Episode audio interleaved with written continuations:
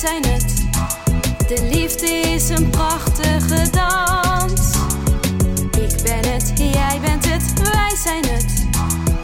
YouTube coaching geeft ons weer chance. Hi, wat leuk dat je luistert. Mijn naam is Annette Burgers. Welkom bij mijn podcast Op zoek naar de liefde met serie 6. Scheiden, wat nu? In deze serie spreek ik met auteurs en professionals die hun know-how met mij en dus ook met jullie delen. Ik ben relatiecoach bij YouTube Coaching, stiefcoach bij Stiefgoed en schipbehandelaar. Vandaag is mijn gast Jan, Jan Storms. En uh, ja, welkom Jan in je eigen huis. Ja, dankjewel. Helemaal aan de andere kant van Nederland. was een groot avontuur via Duitsland naar Nederland komen. Maar welkom vandaag uh, in deze serie op zoek naar de liefde. Scheiden wat nu. Wil ik het ook graag starten met liefde. Heb jij de liefde in je leven gevonden, Jan? Uh, ja, wel veel mensen om liefde hebben, maar wat over het algemeen verstaan wordt onder de liefde, niet. Nee. Ik ben uh, single. En uh, je zegt wel veel om liefde hebben. Wat, wat versta jij onder liefde? Um, ja, er is een, een groot verlangen in het leven ingebouwd. Hè? En um, dat is het. Uh, ja. Ik vind het. Uh, ik word een beetje overvallen door de vraag hoor: van wat is liefde? Want ik, heb het er vaak over in mijn cursussen. Um, ik wil eigenlijk teruggrijpen op wat uh, Socrates daarover zei in het symposium. Hij zei: Liefde is het kind van armoede bij rijkdom. Dus de kennis die hem gegeven was door zijn uh, vrouwelijke leermeester, hè, dus Diotima. Liefde is het kind van armoede bij rijkdom. En um, dat is eigenlijk wat we door liefde proberen te verwerven. Hè? Dat is rijkdom. Dus anders is er geen verlangen mogelijk. Hè? Dus uh, als er niet ergens een tekort ervaren wordt. Dus uh, door lief te hebben verruimen we onze werkelijkheid. Hè? Dus ons hart zwelt op. En daardoor beleven we meer. Hè? Dus we zijn meer mens. Dus, dus omdat we ruimer zijn. Daardoor beleven we ook meer, verrijken we ons meer. En um, die ingebouwde drang naar vervulling, die neemt je mee naar steeds intenser vormen van liefde, dus waarbij het leven steeds ruimer wordt. En um, ja, uiteindelijk uh, uh, gaat dat naar de mystieke liefde, hè? zoals Hadewig, uh, is in onze contraien die beschreef, is de minne. En um, ja, daarin wordt die verbinding en die absorptie, die wordt ontzettend intens. Dus uh, de liefde ontwikkelt zich door allerlei stadia, dus uh, van kindsbeen af. Dus uh, de liefde voor onze ouders, dan als we zelf ouder worden, de liefde voor onze kinderen, de liefde voor het partner de liefde die vriendschap heet. En um, ja, overal waar onze aandacht terechtkomt. Hè. Dus als we op een positieve manier aandacht geven, dan valt dat allemaal onder de noemer liefde. En uiteindelijk gaat dat over. Hè. Dus wanneer mensen zich verder en verder ontwikkelen, gaat dat over een mystieke liefde. Dus de hoogste staat van liefde is toewijding. Ja, dat is een interessant proces. En wat nou als je weinig zelfliefde hebt en je hebt een relatie? Um, dan ontbreekt de basis voor liefde. Als, als mensen geen goede connectie hebben met zichzelf, dan ontbreekt de basis om een connectie te maken met anderen. En ook met de natuur. Ja, dus, uh, ik heb uh, een boek geschreven over psychopathie. En dat uh, gaat over mensen die de connectie met zichzelf uh, ofwel nooit gehad hebben, ofwel helemaal verloren zijn. Dus uh, ja, die mensen kunnen niet lief hebben. En die leven dan ook een zeer arm leven. Uh, maar stel nou dat je verliefd wordt op iemand waarvan je dat van tevoren aan de buitenkant totaal niet ziet. Wat betekent dat dan voor de relatie? Uh, het wordt een eenzijdige relatie. Dus degene die niet kan liefhebben, die kan die connectie niet maken. Maar als jij kunt liefhebben, dan ben je daar de eerste die daar het voordeel van ondervindt. Je kunt een steen liefhebben en daar ook nog uh, verrijking door ondervinden. Maar de meeste mensen houden dat niet vol. Er zijn mensen die dat blijven doen, hè? dus die in die eenzijdige relatie blijven en die voldoende hebben aan de voeding die ze ontvangen van hun eigen liefde. Dus dat geeft die expansie. Dus, uh, maar het is veel mooier als de liefde ook beantwoord wordt. Want dan krijg je als het ware een vliegwiel. Hè? Dus de liefde gaat en dan komt ze terug. Versterkte liefde die weer gaat, komt weer versterkt terug. En uh, dat is ook een grote uitdaging. Hè? Want uh, liefde moet je aankunnen. Ja, en ik denk ook dat het daarom zo is. Ik heb de laatste tijd, ik weet niet waarom dat dan toevallig ook op mijn pad komt, maar toch wel wat meer oudere mensen uh, ontmoet. Die, uh, ja, die dan toch wel uiteindelijk de beste versie van zichzelf worden, uh, 50 plus. Uh, en dan ook beter in relaties komen. Dat klopt dan wel naar wat jij vertelt, toch? Ja, ja, ja. Maar ja, als je dus een relatie aangaat, moet je toch altijd uit je dop kijken. Dus, mm. het verstand moet daar meehelpen. En sommige mensen zijn daar kwetsbaar in. dus omdat ze in de liefde licht ontvlambaar zijn. En dan, ah, dus op het moment dus dat je iemand lief hebt, dan krijgt hij een gouden randje. Dan zie je de fouten niet meer. Want uh, dat zou afbreuk doen aan het gevoel in je hart. En uh, dat kan je veel van het gezicht ontnemen van wie iemand is. dus als je intens lief hebt, kunnen, kunnen uh, ja, dus aanzienlijke gebreken in de ander heel lang verborgen blijven. Zeker als die ander dat dan ook nog wil verborgen houden. Dus dan kun je in zeer onevenwichtige relaties terechtkomen. En een partnerrelatie is eigenlijk bestemd voor een zekere mate van evenwicht. Dus je hebt nooit volledige gelijkwaardigheid op alle terreinen. Je deelt ook niet alle tuinen met elkaar. Maar um, als de relatie zeer onevenwichtig is, dan um, uh, worden er aan één kant voortdurend schulden gemaakt bij de ander. En dat uh, kan, het, ja, dus dat kan relaties breken. Jij zegt van, uh, ja, als je, bij de ontmoeting moet je goed uit je doppen kijken. Um, wat stel ik me dan voor? Mensen heb je... die kwetsbaar zijn. Ja, mensen die dat van nature doen. En je hebt mensen die... Ja, dus, te vergoelijkend van aard zijn. Die zeggen, ja, iedereen heeft gebreken. En die dan uh, eventueel uh, wel gebreken gezien hebben bij de ander, maar daar overheen stappen. En uh, dan later daar toch op terugkomen. Zeggen we, ja, dat had ik toch eigenlijk niet moeten doen. En te goeder trouw ook. Maar is er dan iets van een soort van checklijstje ik zie dat gelijk natuurlijk heel visueel vormen van een checklijstje van oké, als ik iemand ontmoet, nu hoef ik niet iemand te ontmoeten, want in, in die zin, ik heb een uh, heel mooie partnerrelatie, maar uh, van waar let je op? Uh, Els van Stijn zei mij in een interview voor een podcast, zei ze van je moet sowieso als je een nieuw iemand ontmoet, vragen wat de relatie met, zijn, met zijn of haar moeder is. He, van, van daaruit kan je al heel veel halen. Maar waar, waar let jij op? En je moet ook vragen naar de relatie met de vader hoor.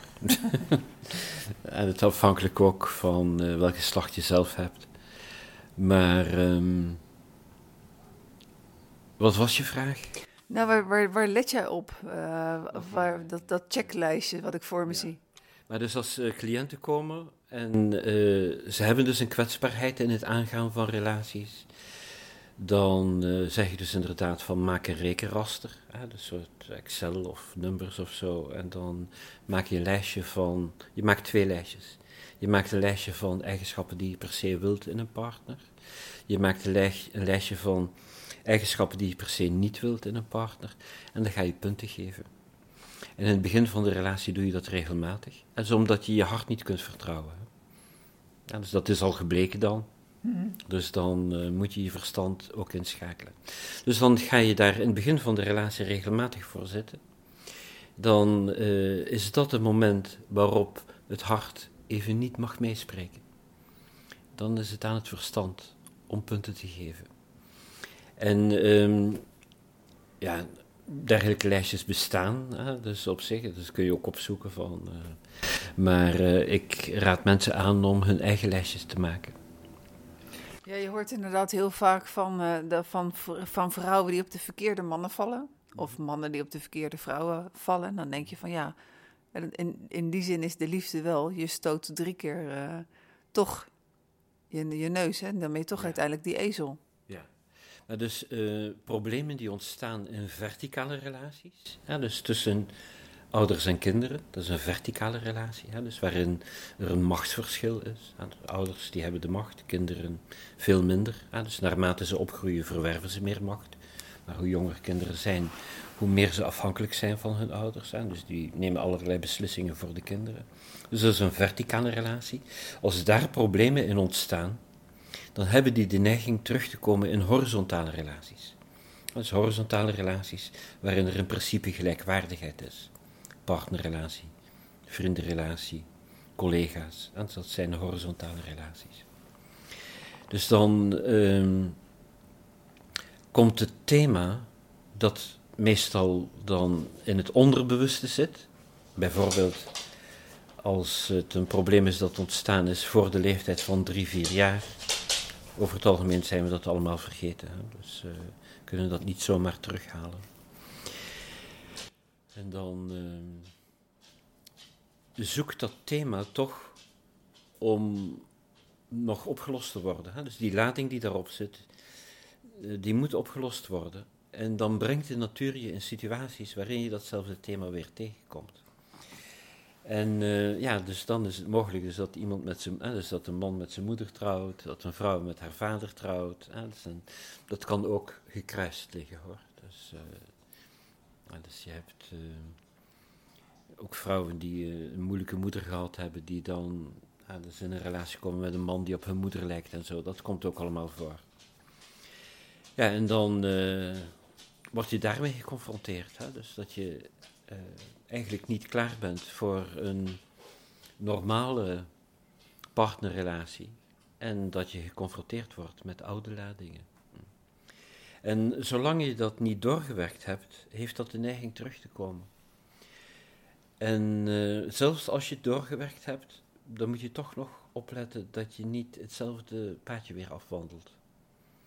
Dus ook als de lading verdwenen is, um, dan moet je eventueel toch nog uh, erop letten dat je niet uh, uh, een slechte gewoonte voortzet. Dus dat betekent toch uit je doppen kijken. Dus die mensen die die kwetsbaarheden hebben, die moeten dat doen. Ik kwam laatst uh, op uh, internet, uh, was ik wat clips aan het bekijken van iemand die zei van ik ga helemaal geen relaties meer aan. Want mijn kompas is volledig kapot. Dus, maar dat kan een keuze zijn. Ik ben niet zo van het opgeven. Dus, dus het kan nog komen hier. Ja, wie weet. Um, kan je een voorbeeld geven van, uh, met, van dat als iets bijvoorbeeld wat je als kind gemist hebt en hoe dat dan weer terug kan komen in je partnerrelatie?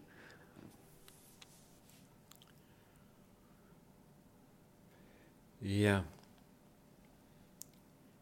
Um, kijk, de manier waarop kinderen zich ontwikkelen is door liefde voor hun ouders. Ja, dus um, je hart expandeert wanneer je je ouders lief hebt en kinderen doen dat eigenlijk van nature. En dus als kinderen dat niet doen, dan uh, is er toch al iets mis.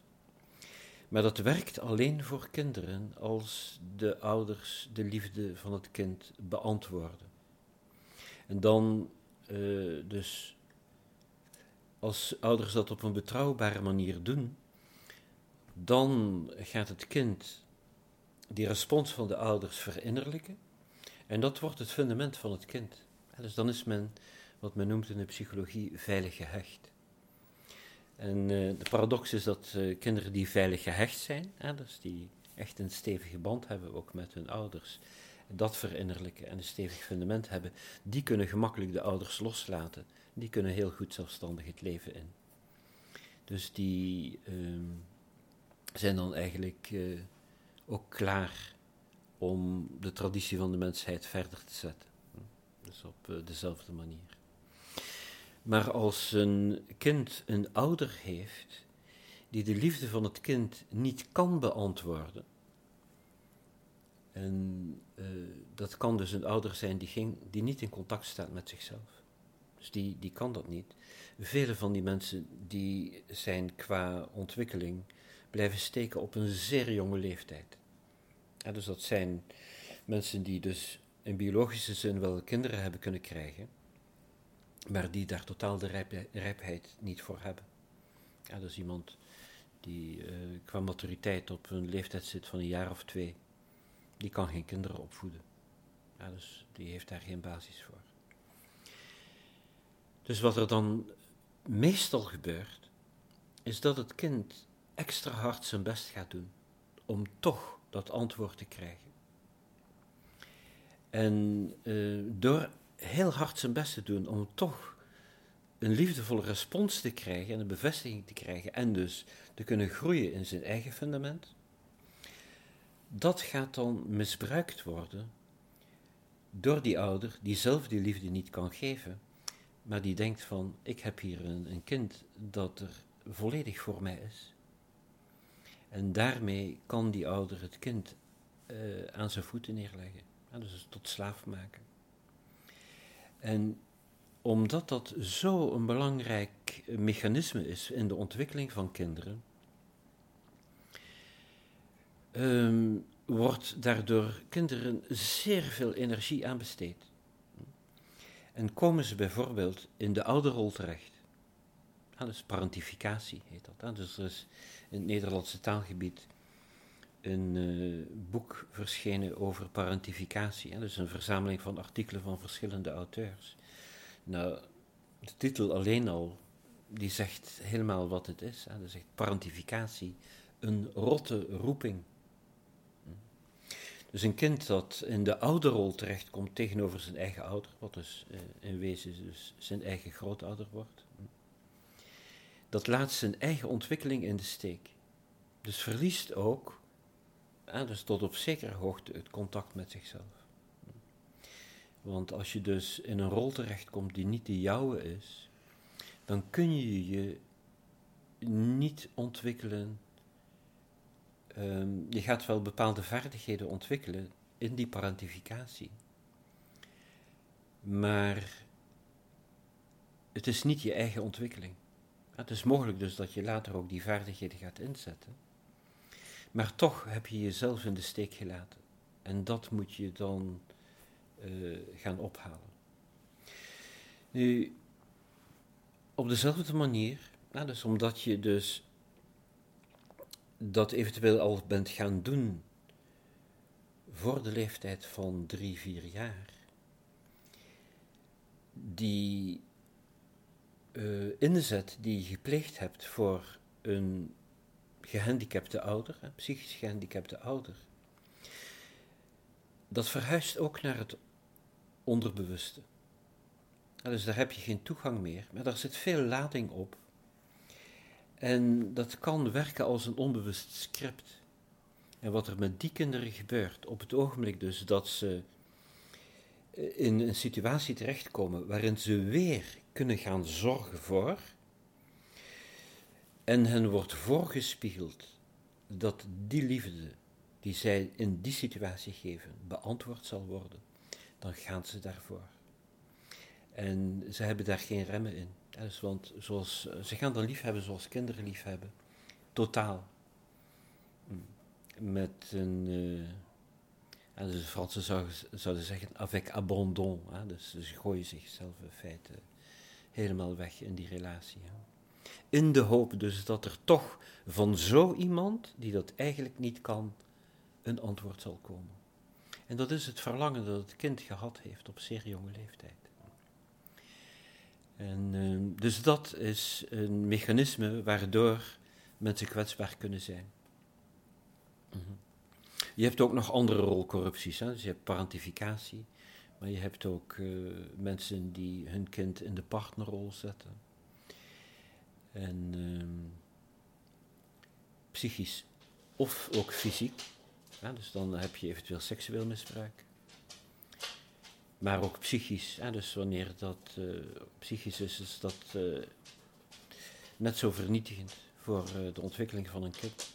En dan heb je ook ouders die dus in feite in wezen zelf kleine kinderen zijn, die de loyaliteit van het kind voor zichzelf willen behouden door het kind klein te houden. Door zijn ontwikkeling onmogelijk te maken en het op zijn, en dus eigenlijk op een infantiel niveau te houden, waar die ouder zelf ook aanwezig is. En, die, en dus en die ouders, die ondergraven dus uh, de ontwikkeling van hun kinderen in die zin dus van, oh, je blijft klein, dus infantiliseren. Als we dan kijken naar het, uh, uh, het thema waar ik mee bezig ben, scheiden, wat nu? dan is dat een, op alle fronten is dat een, uh, ja, een heel grote uitdaging. Van de rol van de ouders, uh, hoe ze emotioneel een scheiding verwerken en wat dan het effect is op, uh, op hun ouderschap naar de kinderen toe. Ja. Nou, je, hebt, je hebt verschillende soorten scheidingen. Dus je kunt volwassen mensen hebben die scheiden. En dus ook innerlijk volwassen mensen die scheiden. En dus om, dat kan een heleboel verschillende redenen hebben. En um, wat tot moeilijkheden aanleiding kan geven, dat is wanneer iemand verder is in het proces van de scheiding dan de partner waarvan die scheidt. Dus dan uh, kan dat heel pijnlijk zijn um, voor degene die eigenlijk achterloopt in dat proces omdat die bijvoorbeeld later op de hoogte gesteld wordt, terwijl de ander eigenlijk al de relatie veel eerder uh, achtergelaten heeft. Dus dat kan moeilijkheden geven. Dus dat kan uh, aanleiding geven tot heel pijnlijke emoties en dan kan het een tijd kosten om dat te verwerken. Dus dat is een type scheiding. En dan, um, ah, dus je hebt ook mensen die uh, op een mooie, mooie manier scheiden. Ja, dus en die vrienden blijven. En dat is eigenlijk de variant die voor kinderen het gunstigst is. In de eerste variant die ik noemde, ja, dus waarbij die uh, moeilijkheden er zijn ten gevolge van elders, dus op een andere plek zitten in dat proces. Dat kan aanvankelijk moeilijk zijn, dat is ook lastig voor, lastiger voor de kinderen. Um, maar dat zijn de, de betere scheidingen. Hè? Dus omdat dat ook wanneer mensen aanvankelijk veel pijn hebben, maar ze kunnen dat oplossen, ze kunnen daar overheen groeien, dan uh, is het mogelijk dus dat de kinderen op een evenwichtige manier steun kunnen ontvangen in hun ontwikkeling van hun beide ouders. Zodat ze de eenheid van het ouderpaar op een bepaalde manier in hun hart kunnen bewaren. Ja, dus dat is wat kinderen willen. Dus als ouders lief zijn voor elkaar, dat vinden ze fantastisch. Um, maar ja, dan heb je ook uh, scheidingen waarbij de moeilijkheden blijven. Ja, dus als na twee jaar er nog steeds moeilijkheden zijn, dan gaan deskundigen er toch van uit dat je in de helft tot twee derde van de gevallen te maken hebt met iemand met een persoonlijkheidsstoornis. En uh, er zijn ook scheidingen waarin kinderen werkelijk die behoefte voelen dat de ouders gaan scheiden. Omdat ze zien dus dat het niet, niet goed gaat en ook niet goed kan gaan. Dus sommige kinderen die zijn daar een beetje voorlijk in ook om dat te zien. Hè. Um, ja, dus er zijn ook scheidingen waarbij um, het heel gezond is dat uh, een ouder dan toch voor zichzelf kiest, omdat als hij dat niet zou doen, dan zouden de kinderen minder steun hebben aan die ouder. Dus omdat hij zichzelf in de steek laat door in een bepaalde relatie te zijn. Dus, ehm, dus in die zin kunnen scheidingen heel gunstig zijn. Dus ook voor de kinderen. Hè, dus omdat, uh, ja, dus bij de mensen die bij mij komen, hè, dus die dan meestal met een psychopaat te maken hebben, of uh, persoonlijkheidsstoornissen die toch moeilijk zijn, hè, zoals, ook als het niet helemaal psychopathie is. Um, ja, die mensen komen vaak met het verhaal. Dus bijvoorbeeld dan hebben ze twee kinderen, dus, uh, maar dan zeggen ze eigenlijk had ik er drie.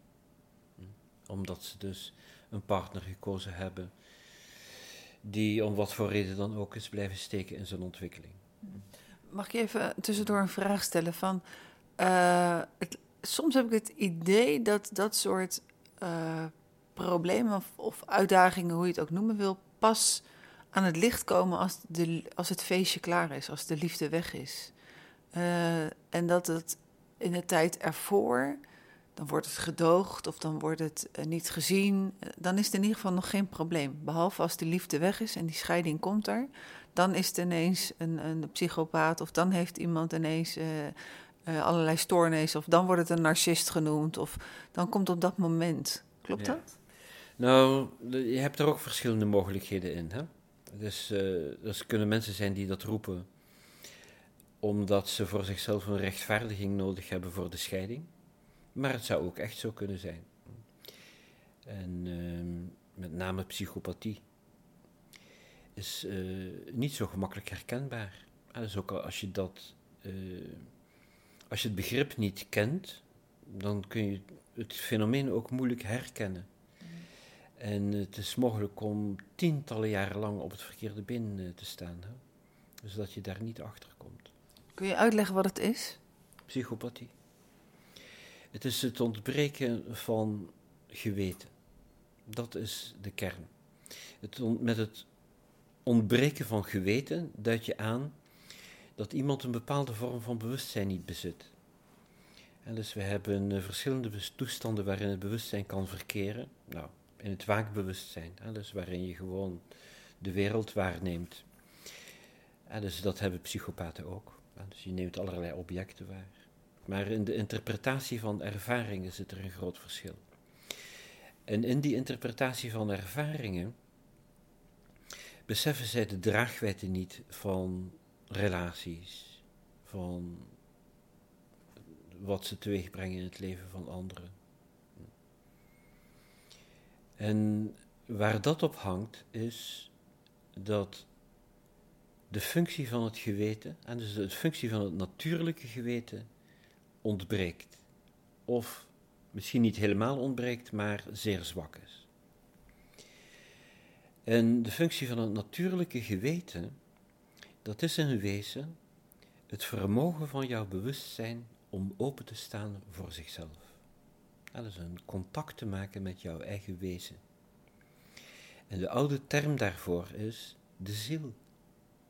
dus het, het hebben van een ziel wil zeggen dat jouw bewustzijn niet alleen kan openstaan voor allerlei objecten in je omgeving, voor ook allerlei innerlijke objecten, gedachten en emoties en zo, maar dat het bewustzijn op zich openstaat voor zichzelf. En dat is wakkerheid die zich bewust is van zichzelf. En de helderheid waarmee mensen dat kunnen realiseren, dat is het natuurlijke geweten. En dus in de loop van de dag fluctueert dat bij uh, mensen ook. Hè. We zijn niet altijd even helder. Soms zeggen we ook van, en dan hebben we het zo druk dat we onszelf voorbij lopen. Dus dan is de sturing van binnenuit ook zwakker. Maar die sturing, ja, dus ook al fluctueert die in de loop van de dag, die wordt ook gevormd door ontelbare vele ervaringen en de distillaat van die ervaringen door het hele leven heen. En ook wanneer het fluctueert, en dus de helderheid van het bewustzijn en de mogelijkheid waarmee het open staat voor zichzelf, toch is daar een robuust fundament dat zich daarin vormt. Waardoor we in hoe we ons gedragen in ons leven, hoe we omgaan met andere mensen, hoe we omgaan met de natuur, dat we daarin ehm, functioneren in overeenstemming met het grote thema van natuurlijke ontwikkeling. Waardoor we groeien in het leven. Ja, dus waardoor we liefhebbend zijn en waardoor we juiste waarden hanteren. Die voedend zijn. Mensen die aan psychopathie lijden, die hebben geen relatie daarmee. Dus die uh, hebben die sturing niet van binnenuit. Dus psychopathie is in die zin ook de diepst mogelijke dissociatie die er is. Dus de eigen kern is losgelaten.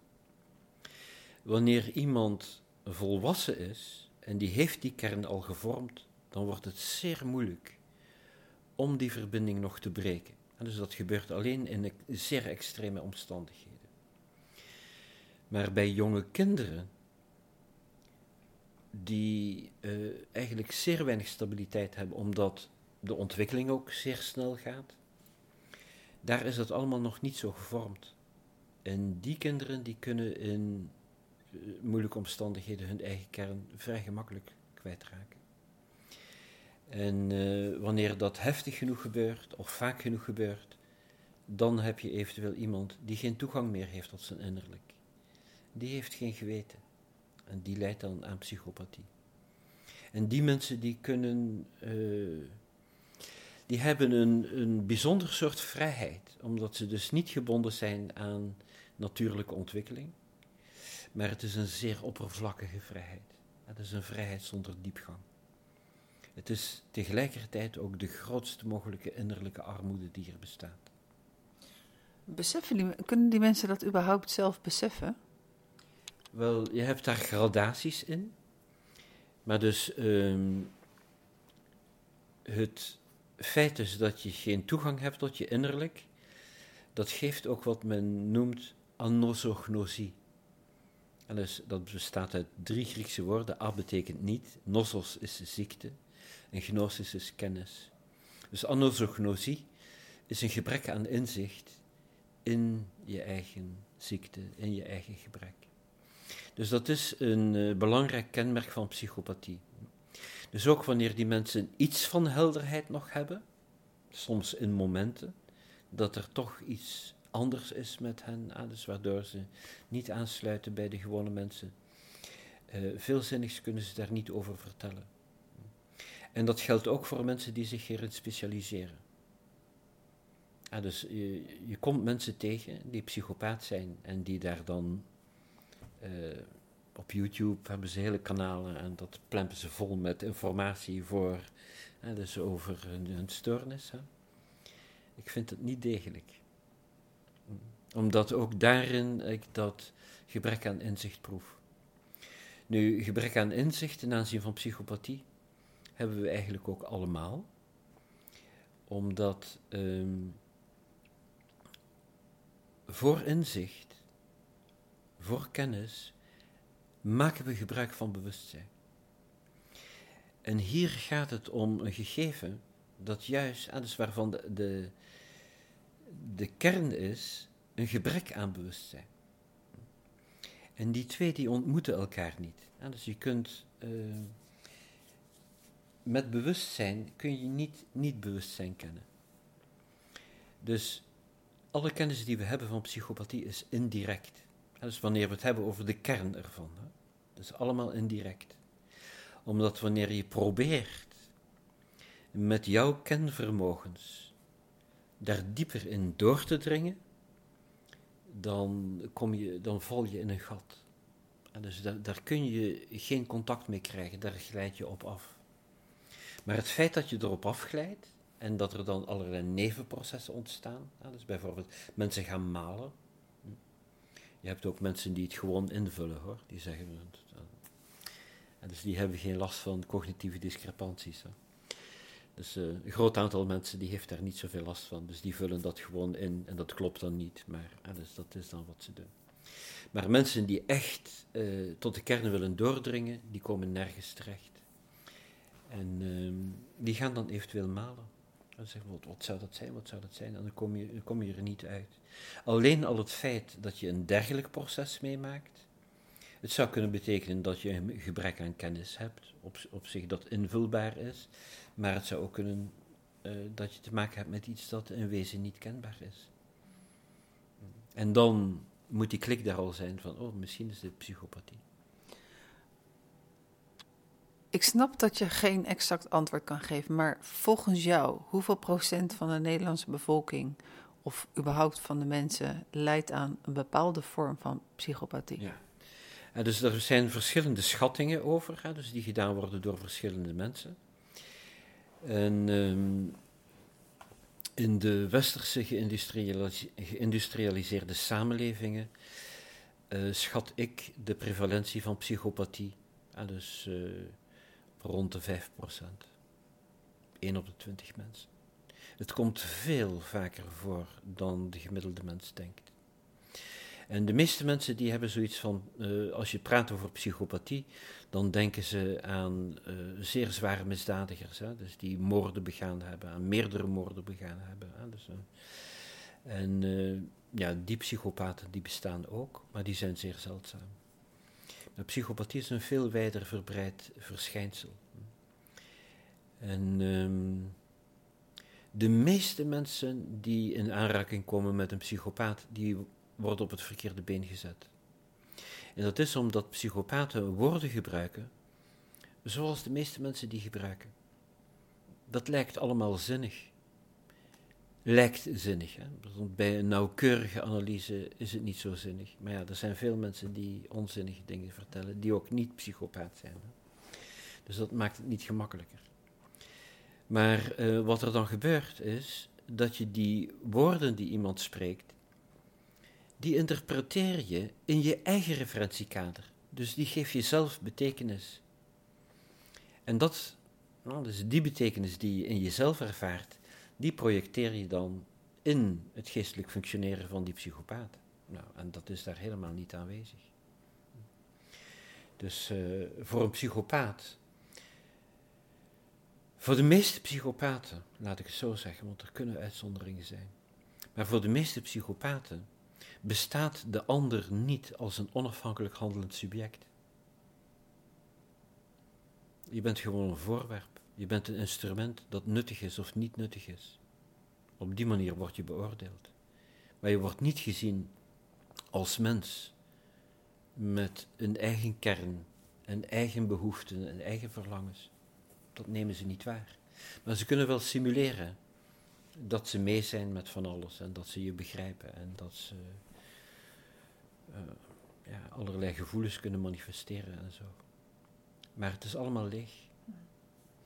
Zou je dan ook nog uh, de conclusie kunnen trekken dat daar waar scheidingen de bocht uitvliegen, uh, dat je dan inderdaad veel al te maken zou kunnen hebben, ik zeg het heel voorzichtig, met psychopaat in het geheel?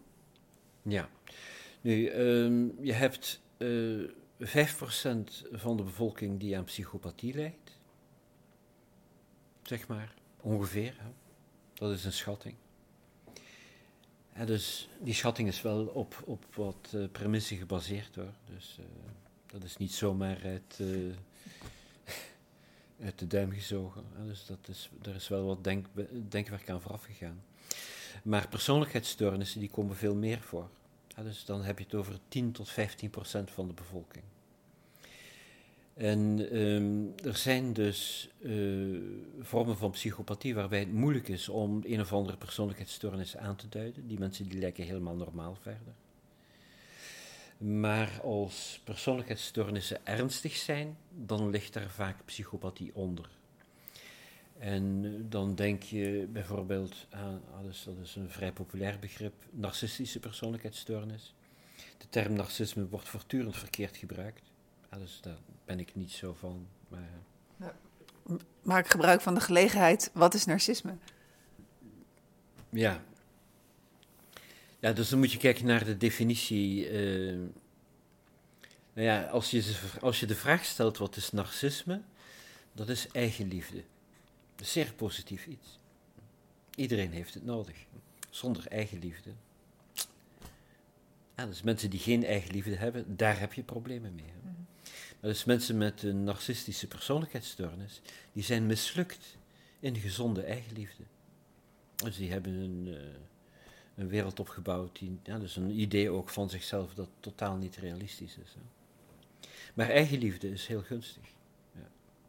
Nu, de term narcisme, ja, dus die is uh, geplukt uit een, uh, een legende.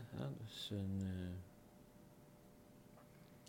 het verhaal van een jongeling die verliefd werd op zijn eigen spiegelbeeld. En dus dat in de oudheid in verschillende versies bestaan heeft. Maar in de oudste versie is het een straf.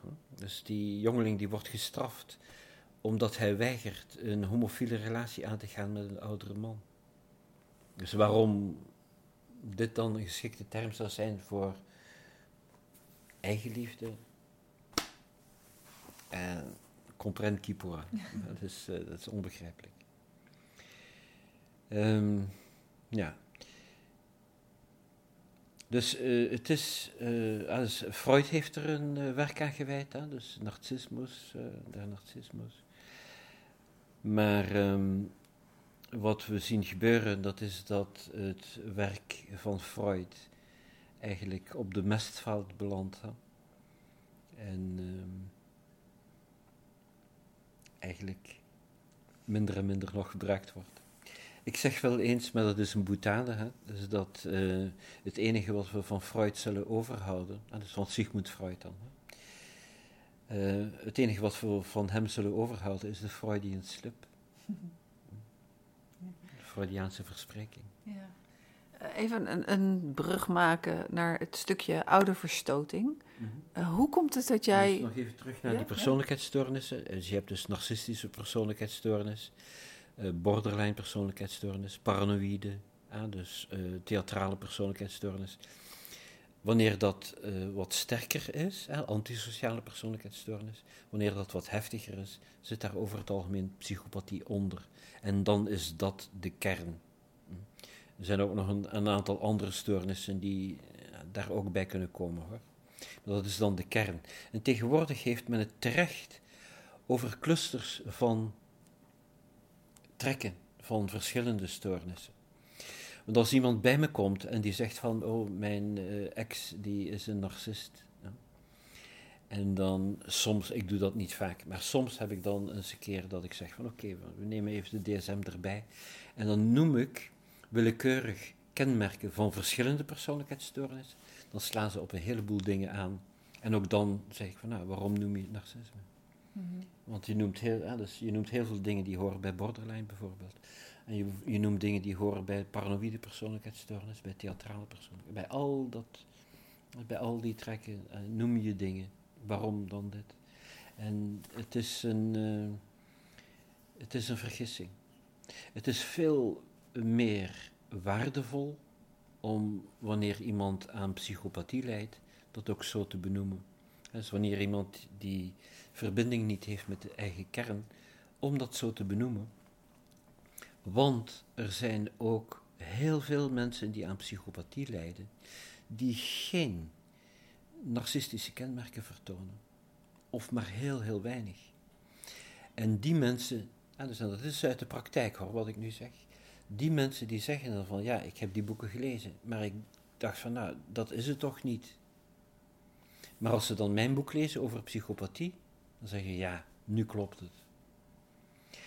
Dus um, met dus dat verhaal over narcisme ga je dus heel veel mensen in de kou laten staan.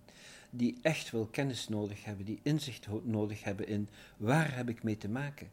Want anders krijgen ze geen handvat of onvoldoende handvatten voor het oplossen van hun moeilijkheden. Dankjewel. Uh, maken we nu het bruggetje naar, uh, naar ouderverstoting. Wat betekent het voor jou persoonlijk? Wat, hoe komt het dat jij hier in mijn optiek een expert in bent geworden? Ja, maar dus uh, ik heb verstoting levenslang meegemaakt. Niet alleen ouderverstoting, maar verstoting heb ik levenslang meegemaakt. En ehm, mijn kinderen hebben dat ook meegemaakt. En verstoting is natuurlijk het omgekeerde van liefde. Ja, dus uh, liefde wil zeggen dus dat je een band aangaat. Verstoting wil zeggen dus dat de band wordt verbroken. En um, verstoting is een term die je gebruikt wanneer, dus je moet een onderscheid maken tussen verstoting en vervreemding. En dus in het Engels, verstoting is alienation, um, waarbij vaak ook een derde uh, de drijvende kracht is achter het verstoten. En um, vervreemding, daarvoor is de Engelse term estrangement. Maar wij zouden die beide, estrangement en alienation, vertalen met vervreemding. Vandaar ook veel verwarring wat uh, terminologie betreft. Maar dus het onderscheid tussen vervreemding en verstoting, dus dat vervreemding, dat is het uh, afwijzen van een relatie op terechte gronden. Bijvoorbeeld omdat er sprake is van uh, mishandeling of verwaarlozing. En dus dat is iets wat men terecht doet om zichzelf te beschermen.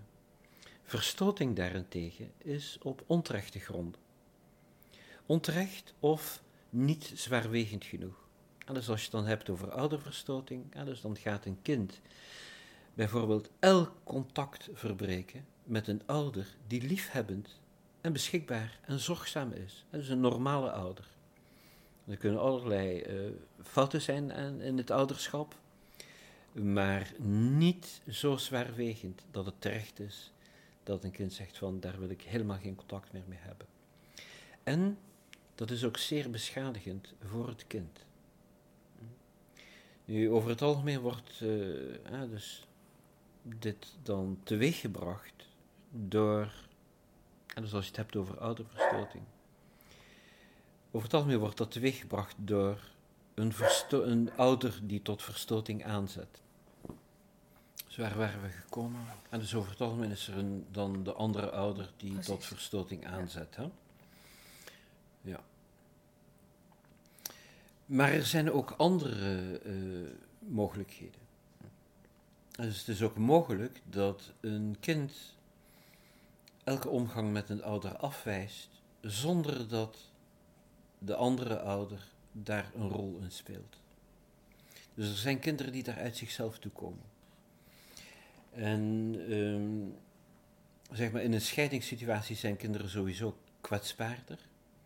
Het is mogelijk dat een kind uh, hiertoe komt omdat het uh, te grote overgangsmoeilijkheden heeft. En het kan die brug niet meer. Tussen uh, dus de, de gang van de ene ouder naar de andere, van de andere ouder naar de ene. Dat wordt een te grote opgave voor een kind. Dus dat is een mogelijkheid waardoor het zegt van ik kan dit niet. Um, soms zijn er ook kinderen die um, dit doen om macht te verwerven in de relatie tussen de ouders. Ah, dus met de ouders, om macht te verwerven. Die dus eigenlijk dit doen uh, in het kader van manipulatie. Dus kinderen proberen ook hun ouders te manipuleren. Hè? Dus uh, dat doen ze in intacte gezinnen ook. Hè? Dus, uh, proberen de ouders tegen elkaar uit te spelen. Hè? Dus dan is het eh, de bedoeling dus dat de ouders aan hetzelfde touw, hetzelfde touw trekken. Hè? Dus een eenheid bewaren en daar goed mee omgaan. Maar dus dat gebeurt niet altijd. En dus en soms kan een kind van een scheidingssituatie gebruik maken om de ouders tegen elkaar uit te spelen, zonder dat ze daar eigenlijk eh, de hand in hebben. Dus dat is ook een mogelijkheid. En dus aan al die mogelijkheden, dus als je te maken krijgt met een kind dat een ouder afwijst, dus dat een ouderverstoting doet, moet je toch al die mogelijkheden nagaan. Wanneer het een ouder is die een kind aanzet tot verstoting, dan heb je daar ook weer verschillende mogelijkheden in. Je hebt mensen die uh, zich vergissen, die op grond van bepaalde signalen van een kind uh, veronderstellen dat er sprake is van mishandeling, van misbruik, eh, van verwaarlozing, van eh, dat er dingen niet goed gaan, alles in de relatie met die ouder. Maar dat ze zich gewoon vergissen, dat kan.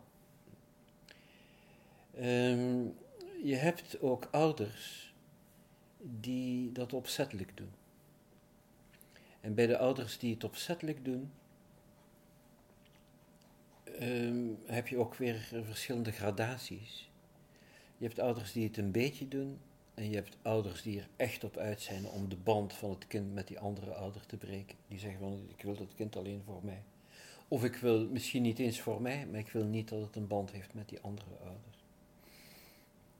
En dan praat je uh, uiteindelijk dus over uh, mensen die dat opzettelijk doen en die uh, niet voor verbetering vatbaar zijn.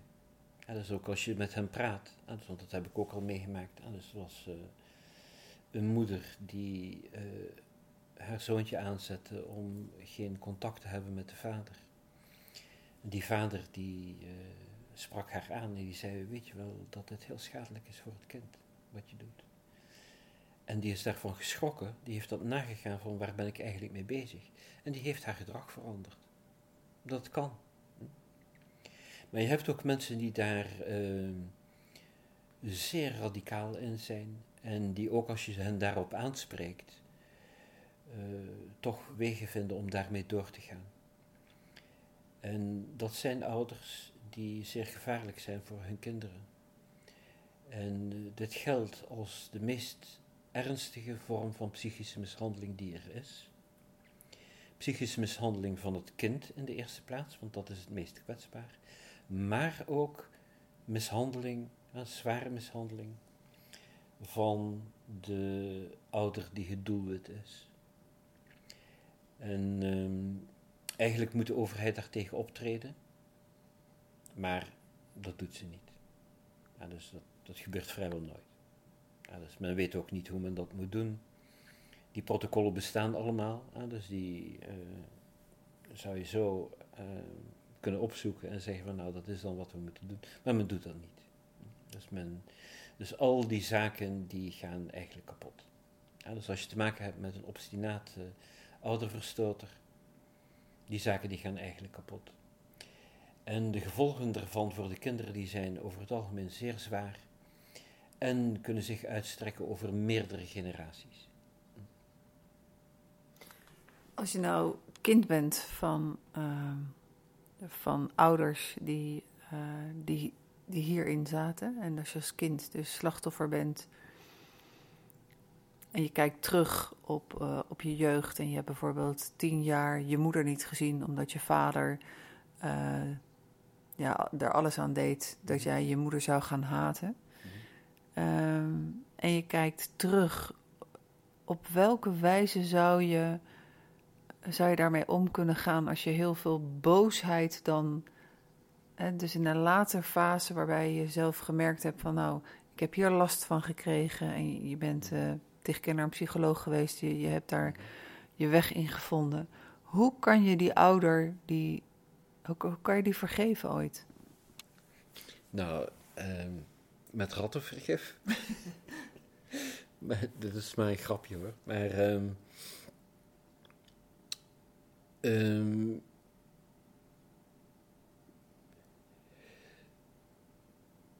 dus een, eh, een probleem dat daarbij uh, aanwezig is, ah, dus dat is voor in de eigen verwerking, hè, want dat is het eerste wat men moet doen, men moet dat voor zichzelf verwerken, is dat de geschiedenis herschreven is.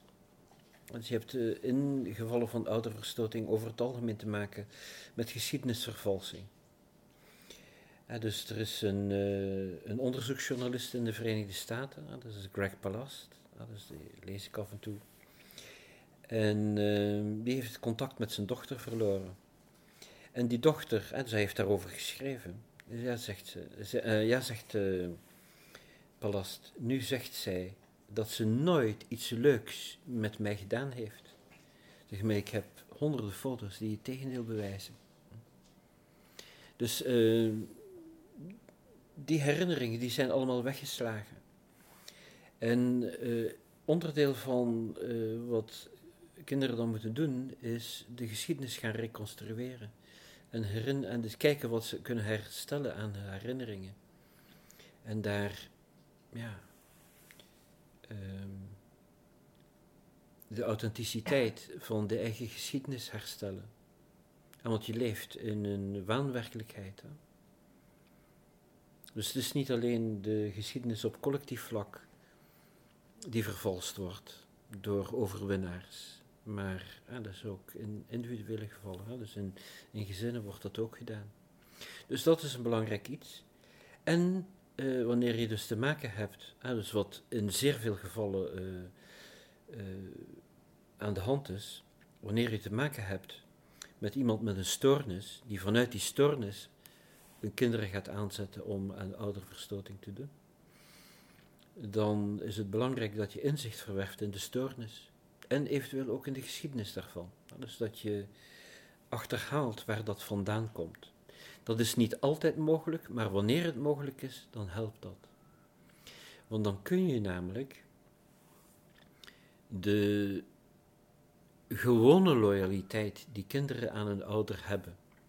De gewone loyaliteit, dus, uh, waarmee je eigenlijk geboren wordt, zou ik bijna zeggen, hè? Dat is een hartsloyaliteit. Daar wordt geen enkele vraag bij gesteld. Dat is een stroom van liefde die gaat en die zorgt voor ontwikkeling. Hm? In normale omstandigheden. Die hartsloyaliteit, die moet je vervangen door een begripsloyaliteit. Ja, dus je moet gaan begrijpen dat een ouder iets niet kan. Dus um, als je een ouder hebt met een fysieke handicap die zichtbaar is, dan is dat veel gemakkelijker dan wanneer je een ouder hebt met een psychische handicap. Dat is eventueel niet zichtbaar. En je hebt ook stoornissen die moeilijk herkenbaar zijn en die eventueel verborgen gehouden worden. Nou, dan heb je een grotere opgave in het ontdekken van wat is daar aan de hand. Maar dus begrip verwerven van uh, de mogelijkheden van een ouder dus en waarom uh, die dan iets niet heeft kunnen leveren. Waarom die niet kon liefhebben bijvoorbeeld. Waarom die niet een relatie met de andere ouder kon toestaan. Dat helpt. Dus, uh, want het is ook liefde. Dus uh, Spinoza die had het daar ook over. Dus dat wetenschap liefde, liefde is. Dus dat is een, een liefde met een, een beetje ander aspect. Maar dat helpt je om de band met de ouder te handhaven. Dus die loyaliteit te handhaven. Maar dan zonder dat je het slachtoffer hoeft te worden van die ouder. Terwijl de hartsloyaliteit dus, die, uh, dus niet die bijsturing heeft van begrip, die maakt kinderen tot slachtoffers van ouders met een psychisch probleem. Ja, het, is, het lijkt me heel ingewikkeld als je als kind bent en, en de loop van de jaren en je blijft er last mee houden. En je hebt dat te onderzoeken en te ontdekken en mhm. om voor jezelf een, uh, een, een, plekje te mhm. geven. Um, Jan, uh, op dit moment uh, uh, is er een demotionair kabinet. Mm. er zijn verkiezingen. En de post min, op het ministerie van Bewustzijn voor minister komt vrij. Ze vragen jou. En je hebt die, moet eerst gecreëerd die moet eerst gecreëerd worden, maar ik heb hem nu gecreëerd. Okay. en je hebt vier jaar de tijd, in ieder geval, om, om als minister van het ministerie uh, dingen te gaan initiëren en neer te zetten. Wat zou je gaan doen? Ja. ja dus ik zou gewoon mijn beroep uitoefenen. Dus, alhoewel, um, je moet daar dan toch ook andere registers in opentrekken. Hè? Dus um, wat ontbreekt in onze cultuur? is kennis van bewustzijn op zich. Dus dat is de diepste filosofische vraag die er is. Dus wat is bewustzijn? Dat is het fundament van alle weten. Wat is bewustzijn? Daar worden congressen aan besteed waarin men uh, uiteindelijk zegt van ja, we weten niet wat het is. En in de Vedische traditie, dus waarin ik uh, gepokt en gemazeld ben, ja, dat is de kern van de Vedische traditie. Dus ken datgene waardoor alles gekend wordt. dus uh, weet wat bewustzijn is. Dat is het gnotisch seoton. dus de, ken uzelf dat bij de ingang van de tempel van Delphi staat. Hè. Dus je moet eerst weten wat bewustzijn is. En dan kun je beginnen aan het kennen van de wereld. Hè. Dus uh, die kennis uh, die moet uh, beschikbaar gemaakt worden, zowel verstandelijk als in de praktijk. Hè, want dat is een ervaring. Ja, dus dat is een ervaring van bewustzijn op zich. Dus een bewustzijnstoestand. Zou je dat introduceren in het onderwijs? Ehm, daar moet je heel voorzichtig mee zijn. Omdat je het dan hebt over spirituele ontwikkeling. En spirituele ontwikkeling, dat kan alleen voor kinderen wanneer de ouders daarvoor een veilig kader kunnen bieden. Nou, er zijn zowat, uh, ik denk dat je dat bij minstens 20% van de kinderen niet hebt. En dat je dat ook aan die kinderen niet moet aanbieden. Dus dan moet je andere dingen doen. Zoals?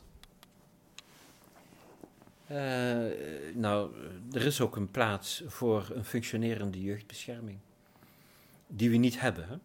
jeugdbescherming. Dus je hebt daarin uh, heel wat mensen die hun werk doen met de beste bedoelingen, maar die doen dat in een kader dat onmogelijk is.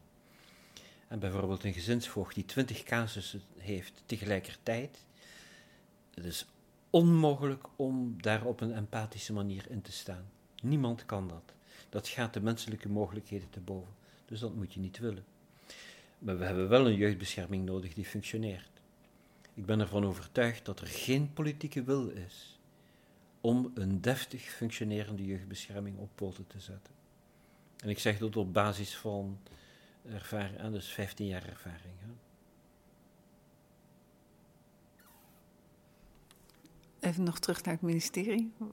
Zijn er nog meer concrete dingen die je zou doen? Ja. Ja.